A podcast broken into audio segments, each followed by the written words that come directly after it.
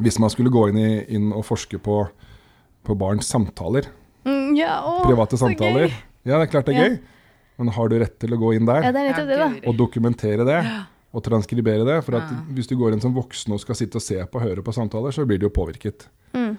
Men hvis du skjulte opptak, enten det er film eller lyd, er Mm. veldig, veldig problematisk. Viten og snakkis. snakkis. Pod -pod fra Joa. Viten og snakkis. Velkommen til en ny episode av Viten og snakkis, podkasten som gir deg svar på det du lurer på på din vei mellom levering og henting i barnehagen. Eh, eller hva sier du til det, Anniken? Ja, dette vet jeg masse om. Gjør du det? Nei. Eh, gode kollega Anniken, eh, hun er eh, ikke mamma ennå, for å si det sånn. Jeg heter Kjersti Thoresen. Jeg kjenner eh, veldig godt til den eh, tidsklemma da, man ofte føler mellom eh, levering og henting i barnehagen. Um, en til som kjenner til barnehageliv, det er høyskolelektor Henrik Nergård ved barnehagelærerutdanninga her ved HiOA. Og du er opptatt av å få mer friluftsliv inn i barnehagen. Ja, stemmer det. Stemmer det? det stemmer. Hvorfor er det viktig? Eh, først og fremst fordi jeg tror eh, natur er en, eh, en arena hvor barna utfolder seg helt av seg sjøl. At leken går av seg sjøl, og de får masse input, og de får, mm, får tid og ro til å leke, til å utforske, til å bli kjent med seg sjøl og kroppen, verden og elementene. Jeg har jo som nevnt erfaring fra et par-tre barnehager. Jeg har to, to barn. Eh, og så ser jeg det at det er veldig varierende hvordan de uteområdene deres er. Eh, Noen steder, altså midt i byen, så er det jo på en måte kanskje bare en asfaltflekk, eh, og andre steder så er, ligger det i naturen. Og så, eh, så, så det er jo på en måte et utgangspunkt man har. Hvordan, hvis man er midt i byen, da, hvordan kan man legge til rette de barnehagene for, for å få nok friluftsliv? Ja, Oslo er vel så heldig at vi har eh, trikk og buss og bane, så de aller fleste har jo bare noen, unnskyld, noen få minutter eh, gange til eh, noe som går til noe som er naturpreget. Og mange, Vi har jo parker i byen nå, så vi kan jo bruke park og kratt og sånn også, for å ha en sånn introduksjon til natur og friluftsliv. Eller så kan vi ta T-banen til f.eks. Sognsvann, eller ta trikken eller bussen og komme seg opp på Brannfjell og på Ekeberg, så har du natur.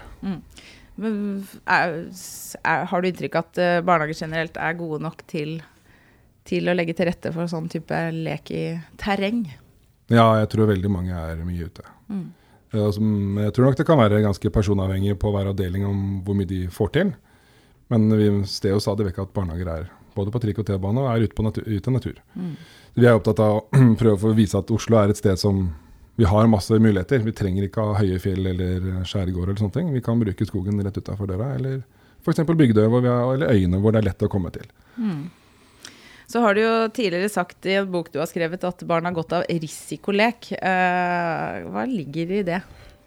Høres litt eh, Ja, definisjonen så ligger det i at eh, det er en viss risiko for at barna kan skade seg. Eh, ikke nødvendigvis alvorlig, men at man, man kan skade seg lett og få skrubbsår og sånne ting.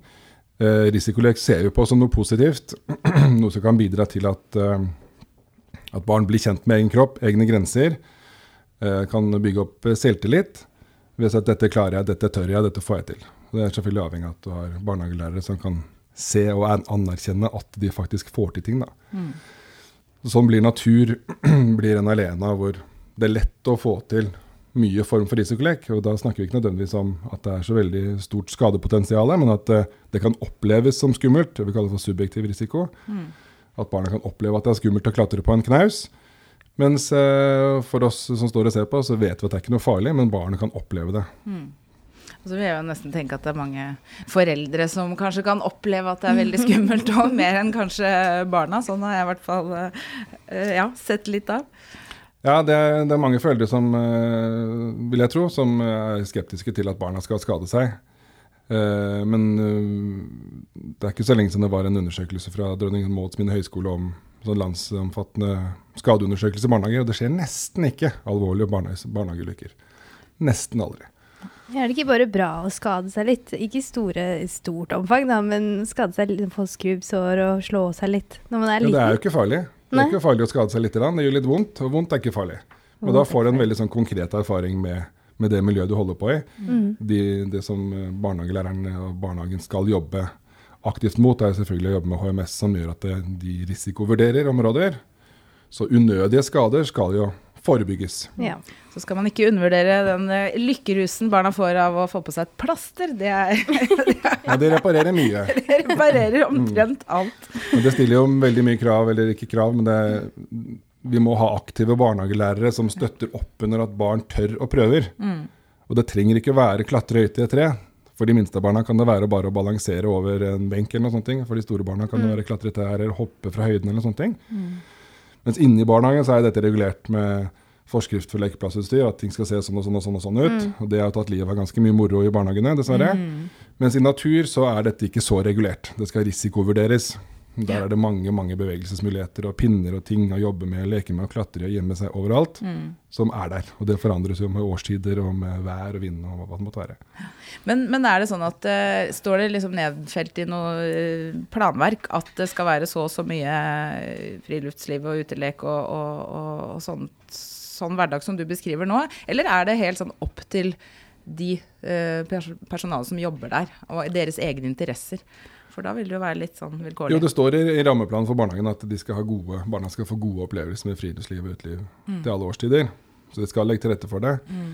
Men det følges vel, følges vel, kanskje ikke opp overalt?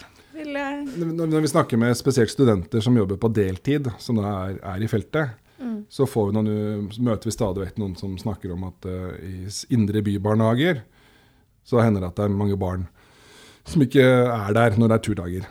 Mm. Oh, ja, såpass, ja fordi at man ikke har eh, Hvorfor en, en visse grupper mennesker ikke vil at barna skal være på tur, det vet vi ikke ennå. Har vi kanskje ikke forska så mye på. ikke som jeg kjenner til. Så det kunne vært interessant å ta tak i. Men uh, det er jo en sånn norsk tradisjon å tenke at natur er den beste ja. lekeplassen. Mm. Og at det er det man uh, Så det, vi har vel de aller fleste fortsatt, tror jeg, tenker at natur og friluftsliv og utelek, og, mm. og da også risikolek, mm er en god arena. Mm. Uh, men så er det jo den der urbaniseringen og avstanden fra natur som kanskje kan ta vekk noe av den naturlige kontakten som vi alltid har hatt. Mm. Men jeg tror kanskje vi er på vei tilbake til at folk blir mer og mer oppmerksom på at vi skal ha litt risikolek, og vi skal tørre å slå seg. Mm. mm. Men du har jo tatt med noe som er kanskje det motsatte av natur, eller veldig menneskeskapt i hvert fall, med deg inn i barnas uh, lek i friluft, nemlig et GoPro-kamera. ja. Hvorfor det? Nei, vi, eh, Sammen med min kollega Asbjørn Magnar Hov på, her på høyskolen, så vi, vil vi teste om vi kunne bruke GoPro-kameraer som et uh, metodeverktøy. Mm. I å få, på en måte få bedre innsikt i hvordan, hva barn gjør, tenker, hvordan de leker, hvordan de bruker natur, hvordan de oppdager natur og sånne ting. Men først så tenkte vi å teste om disse kameraene er brukende. Ja. Er dette noe vi kan bruke i forskningen? Og da har vi kommet fram til det at uh, jo, det kan vi. Det tekniske er jo helt fantastisk, og det blir bare bedre og bedre og lettere og lettere. Vi plasserte kameraer på eh, barn i en naturbarnehage på brystet på dem, og de glemte disse kameraene fort og var i full gang. God, god lyd, gode bilder stort sett. Uh, lite forstyrrelser. Mm. Og vi fikk masse, masse masse film av, av barn som får leke for seg sjøl. Mm. Det virker nesten litt sånn som man ser på dyreprogrammer hvor du fester et lite kamera på f.eks. en gepard i naturen. Jeg får litt samme vibe. Men hva er det ja. dere liksom kan finne ut ved å, ved å analysere sånn type materiale etterpå? Ja, det som vi fant ut først, da, var, er at vi jeg må ta det først. for det, du, du, får muligheten til å filme uforstyrrede lek. Det vi kaller for naturlig data. Mm. At det er uforstyrret av forskeren. Eh, og at vi får en naturlig, så naturlige situasjoner som mulig hvor barn er i aktivitet. Eller snakker sammen eller sånne ting. Men det store etiske her er jo at vi får tak i ting som er privat. Mm. Ja, for det bryter jo inn i den private sfæren til barnet, da. Er ja. det på en måte greit? Er det greit? Det er det, er det store etiske spørsmålet ja. som vi, vi, holder på å skrive en artikkel om nå. Og det, man syns jo det er greit hvis man skal filme en gepard, som du sa. Men uh, det er kanskje ikke helt greit uh, hvis man skal filme små barn og deres lek og deres samtaler. Så her krever det en veldig høy etisk uh, bevissthet hos, hos forskeren. Mm. Og veldig mm. tydelige retningslinjer fra NSD, altså mm. fra Datatilsynet også, for å få lov til å ja, for dette er jo personvernsak og, I høyeste grad. og datalagring og alt dette. Det må jo være en ganske sånn heavy prosess mm. der, regner jeg med? Ja, hvis du skal inn og, og, og filme små barns private lek, og du ikke står og ser på for at du skal ha disse naturlige dataene, eller du står langt unna, så får du ikke kontroll på hva du har filmet før etterpå. Mm. Eh, og da er det jo Enhver forsker har jo plikt til å være på en måte høyt etisk bevisst og ha mm. ting godkjent. Mm. Men vi mener jo at når vi har, bruker den type, type kameraer, så må man være ekstra bevisst på akkurat det. Mm. mm. Det som er litt spesielt er at det du sier at dere har jo noen retningslinjer som sier at dere skal være etisk bevisste, og det er Men foreldre holder jo på sånn, egentlig. Det kan man jo tenke etter når man scroller nedover Facebook-feeden sin. ikke sant? At de mm. deler mm. bilder og filmsnutter av uh, sine små håpefulle fra de er omtrent ja, født. Ja, det, det er jo ikke noe som styrer om du kan dele det med dine Nei. egne barn. Men du, får, du kan jo ikke dele andre sine barn. Nei, det kan du ikke. Og vi har jo skrevet til barnehagefolk i, i fjor, så skrev vi at dette kan, vi, kan man bruke det i barnehagen. Mm. Og det er klart man kan bruke GoPro-kamera i barnehagen eh, til å dokumentere og filme alt mulig, men eh, det er forskjell på om, om du da filmer det private, mm. eller om du bare bruker det som et nettlite kamera som er lett å ha med seg eller lett å plassere. Mm. Det er veldig stor forskjell på det. Mm. Og så er det jo det at uh, vi får jo stadig vekk sånne rapporter med litt bilder fra dagen og innimellom en og annen videosnutt. Det er veldig hyggelig å få fra, mm. som forelder, da, å kunne se hvordan, det, hvordan, de har hatt det. Men, uh, men, det å på en måte bruke det i uh, forskning videre du, Ja, det er jo noen etiske problemstillinger, men allikevel, du deler det jo ikke på en måte. Du, du bruker det jo bare i forskningsøyemed. Ja, det er veldig forskjell på å dele det. Eh, hvis man bruker det i barnehage og, skal, og, sender det rundt, så er det veldig lett å dele det på alle mulige slags plattformer. Mm. Det er en stor utfordring. I forskning, så Hvis man ikke skal vise klippene til noen, så er det jo forskeren som bare sitter med det. og Det skal jo slettes innen en viss tid og, og sånne mm. ting. Uh, så lenge man da har godt samtykke og er godt, godt, informert både de ansatte, barna og de foresatte. Og man bør ha med barna, så at mm. de i hvert fall blir informert om at alt dere gjør, får vi se. Ja. Og om de husker det eller ikke, det kan vi ikke forvente at de gjør. Nei. At de forstår og rekkevidden av det. Nei, for de eh, fordyper vel seg inn i fantasiverdenen og leken etter hvert, regner jeg med? Ja, de blir borti den leken. Ja. Og det kameraet er så lite og nett, og det hindrer dem ikke når du har det på magen. Hvis de hadde hatt det på huet, så mm, kanskje det ville bli, huske det bedre, da. Mm. Ja, for hodet er så, stor, er så tungt sammenlignet med resten av kroppen, kanskje, på barn? Ja, riktig. De har høyere mm. tyngdepunkt. Og ja.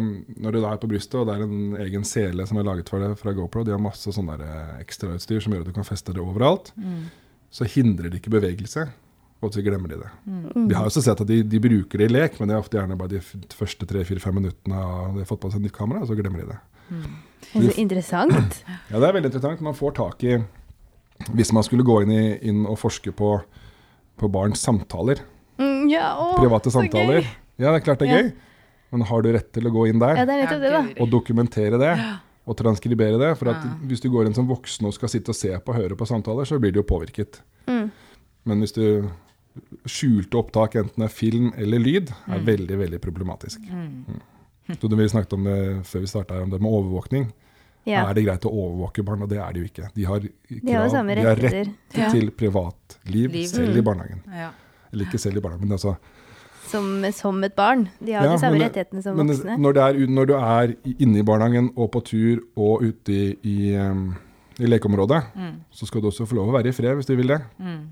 Ja, for, nettopp, for, eh, noen varsellamper begynner å blinke hos meg. fordi mm. nå har jeg snakket mye de siste ukene med andre forskere om nettopp dette med personvern og den teknologiske utviklingen vi mm. er inne i nå, som går så utrolig raskt. Raskere enn etikken på området, mm. virker det som. Um, og da tenker jeg at når man begynner nettopp med det her da, på barn, at noen får noen ideer til å kunne kanskje f.eks.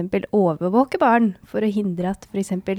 skader skjer i barnehagen, og liksom for å forsikre foreldre om at hei, hei, vi har jo kontroll, vi filmer jo hele tiden. Mm -hmm. Hvordan skal vi forhindre at uh, Ja, men jeg begynner ja, å tenke helt, uh, ja, Hvordan skal vi forhindre at det skjer? Ja. Men det er jo noe med at uh, Ja, altså dette her Dere grunn, altså nå, dette er jo en metodeforskning, rett og slett, det ja, dere er, har gjort ja. nå. Ja, det er om, det, om, disse kameraene er brukbare. Og det vi har funnet er at ja, dette er kjempebra. Mm. Vi får tak i masse, masse spennende. Mm. Men det er store etiske utfordringer. Ja. Men hva, hva, slags andre metoder for, er det dere da må bruke? da? Er det bare å fotfølge og notere og følge med? Og altså, det, vil være, det vil være en kjempestyrke å bruke uh, GoPro-kameraer sammen med uh, observasjon og notater. Mm det vi gjorde i dette prosjektet, her også, var å sammenligne med håndholdte videokameraer.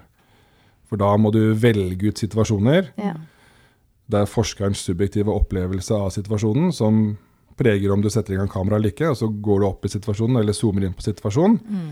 Mens i GoPro så er det jo barna som har på seg kamera, som ubevisst velger situasjonen. Mm. Så hvis, eh, hvis det vi så, var at når vi går opp med et kamera og bare, Å, dette var spennende, dette må vi filme. Så går vi opp, og så er vi liksom noen nærmere oss. Så ser barna opp. Ja, og da Og ser oss de midt i linsen, og så bare OK, Mm. der ødela vi hele ja, situasjonen. For da begynner det å gjøre seg til å spille med og Nettopp. i det hele tatt. Ja. Men hva kan man eventuelt bruke sånn her type info til i fremover? ja, hva er det dere trenger å forske mer på når det gjelder barn i barnehage og friluftsliv? Ja, og hvordan de- lek. Ja. Vi, vi, drådler litt på den tanken med å kunne prøve å få tak i hvordan barn eh, snakker om, eller hvordan de opplever natur. Mm. Det er veldig vanskelig å få tak i hvordan barn opplever. Vi kan si noe om hva som skjer, og sånne ting, og det har vi jo på en måte gjort. Vi ser at de, de trenger tid, de pirker i jorda, de herjer og de roter og sånne ting. Men også prøve oss å se på et sånt datamateriale med sånne barns oppdagelsesøyne, eller ut fra barns perspektiv. Så må vi på en måte fordype oss litt i den type litteratur, og så prøve å forstå barna hvordan de utforsker verden. For når vi ser på f.eks. friluftsliv, så ser vi jo på det fra, med voksne øyne. Ja, nettopp. Men fremover nå, da, hva skal dere gjøre med For nå har dere fått masse data, men dere har jo ikke analysert dette. Dere har ikke gått noe videre med det. vi har, ikke, vi, har ikke, vi har ikke analysert det annet enn uh, Vi har analysert eh, det metodiske, Ja. det tekniske, det praktiske og det etiske har vi gått inn og sett på. Men så kan vi jo gå gjennom datamaterialet på nytt med andre briller. Altså Vi kan Mm. mm. tenke hm, hva tenker vi om barn og naturopplevelse? Og så kan vi gå gjennom alt på nytt. Det er mulig. Men dette er jo bare et sånt testprosjekt, så hvis vi skulle gjøre det, så begynner vi begynne på nytt igjen. Men da ja. vi med alt det vi vet nå, og så begynne på nytt, men med å så ha en annen strategi da, for å få tak i det. For nå var det en sånn, eh, en sånn utforskende måte å gjøre det på. Vi setter på oss og ser hva som skjer. Veldig åpen innfallsvinkel. Ja. Mens hvis man skal gå inn på barns samtaler, eller barns utforskning, eller barns friluftsliv, eller samtaler voksne barn i natur, så bør man på en måte ha en tydelig strategi på det før man setter i gang med det. Mm. Jeg vedder på at det er ganske mange forskere der ute som klør i fingrene etter å analysere sånn type data. det vil Ja, vi, sitter, vi sitter med mye data som eh, vi vet mange godt kunne tenke seg å titte på. Ja. Ikke sant? Men det kan ikke vi gi bort, for det har Nei, ikke vi lov nei. Til. Så da får man starte på nytt igjen. Mm. Men for å bare koble det til slutt litt sånn eh, tilbake til dette med den derre utfordrende leken i naturen. naturen. Ut ifra det dere har observert, eh, er det, hva vil liksom barna sjøl? Er de sånn generelt eh, Er, er flesteparten skeptiske og litt redde og forsiktige, eller vil, for, vil de opp i trærne og tør og, og er uredde? Og det er så individuelt. Det er det, ja. Veldig individuelt. Mm. Det, er det som eh, Ellen Beate Sandsæter fra Dronning Mauds høgskole har sett, er jo det at, eh, at man har, de aller fleste barn har en progressiv tilnærming til risiko. At det stopper seg sjøl. Og det vi underviser studentene her, er jo at eh, det er jo barns vi kaller for constraints, barns utgangspunkt, som setter rammene for hva de tør og hva de får til. Mm. Og da blir det barnehagelærerens oppgave å legge til rette, finne naturmiljøer som kan tilby noe utfordrende for alle barna i barnegruppen. Mm. Selv de som er litt redde, eh, de som kanskje er klønete, eller som Mm. aldri har vært på tur. Mm. Og disse kamikaze-barna som bare hopper utfor og klatrer i trærne. Sånne ordentlige villbasser. Det må Mm. være rom for begge, og det er det i natur. Hvis barnehagelæreren kan velge et, et naturmiljø som innbyr Mm. og tilbyr Mm. barna. Så de kan se mulighetene. Og hvis de ikke ser mulighetene, så barnehagelæreren hjelper barna med å se og bruke de mulighetene som er i terrenget i naturen. Mm. For det må jo ligge ja, både i hvordan barna er sånn personlig, men også litt sånn med oppvekst og miljø og hva man er vant til å gjøre hjemmefra. Absolutt, det er klart Hvis du har en overbeskyttende mor som aldri lar deg Ja, så kanskje du ja, blir mer skeptisk enn Eller overbeskyttende far. Det finnes det. Ja ja, selvfølgelig. Det, ja. Mm. Apropos Jeg må bare si at alle minnene jeg har fra barnehageliv, mitt eget barnehageliv, det er fra naturen. Jeg har ingen andre minner. Jeg har bare kun fra liksom, når vi har vært på tur, eller når vi har lekt, eller når vi har vært på en eller annen hytte i Mm. naturen, eller sånn sånn. Mm. Så det har satt, meg, satt seg veldig hos meg, for å si det Ja, sånn. men det setter spor, da, for dette er ekte, konkrete mm. opplevelser. Eh, det er ikke filmer, det er ikke kunstige opplevelser, det er ikke ting som du bare har blitt fortalt. Det er masse, masse man kan oppleve bare sånn visuelt også, selvfølgelig. Men mm, opplevelser i natur, å bruke kroppen i natur, det er det, det, Du får det ikke mer naturlig for oss. Og at det sitter i det, det ser jeg bare som helt naturlig. For at du, Mm. der, du har absorbert det med kroppen, da, på en måte. Mm. Men da er det ikke sånn at For jeg hører jo folk sier det nå, at uh, i gamle dager så klatra barna i trær og var ute og løpte og spilte Boksengården, og sitter de bare inne og, og spiller eh, videospill og, og, taster. Men eh, dere, ja, ser dere noe av at det er noe i det, holdt på å si? At det har forandra seg med åra? Ja, det som forskningen sier nå, er at det, det er mye mer styrt aktivitet mm. for barn på ettermiddagstid. Og det er mye mer trafikk, så det kan være én en forklaringsårsak. At man uh, tør ikke å slippe barna ut i nærmiljøet, for dette er mye trafikk. Og, og kan det kanskje lenger til grøntområder enn det var før. Mm. Men jeg opplever at studentene som vi får, er jo ofte opptatt av at i den barnehagen jeg jobber, mm. der er det utfordrende, men jeg skal trå mm. til å få For jeg vet at natur er så bra, eller mm. bevegelse eller risikolek er så bra. Det høres bra ut. Barn eh, er i hvert fall eh, barn. Det vil det vel alltid være å ha mye oppdagertrang. Så det, vi stoler på at det, eh, det, ligger til rette for mye bra lek i barnehagene framover. Oh yes. Takk for at du tok deg turen til oss, Henrik Nergård. Og takk for at du som hørte på atter en gang, eh, gjorde det, nettopp det. Du mm. kan lese mer om forskningen til Henrik på blogghiva.no slash viten snakkes. Og så må du huske å klikke abonner da, i podkastappen din. Skal vi si at det var alt for i dag, Anniken? Det skal vi si. Vi hørast. Ha det bra. Ha det. Viten og snakkis. snakkis. Pod-pod-podkast fra Joa. Viten og snakkis.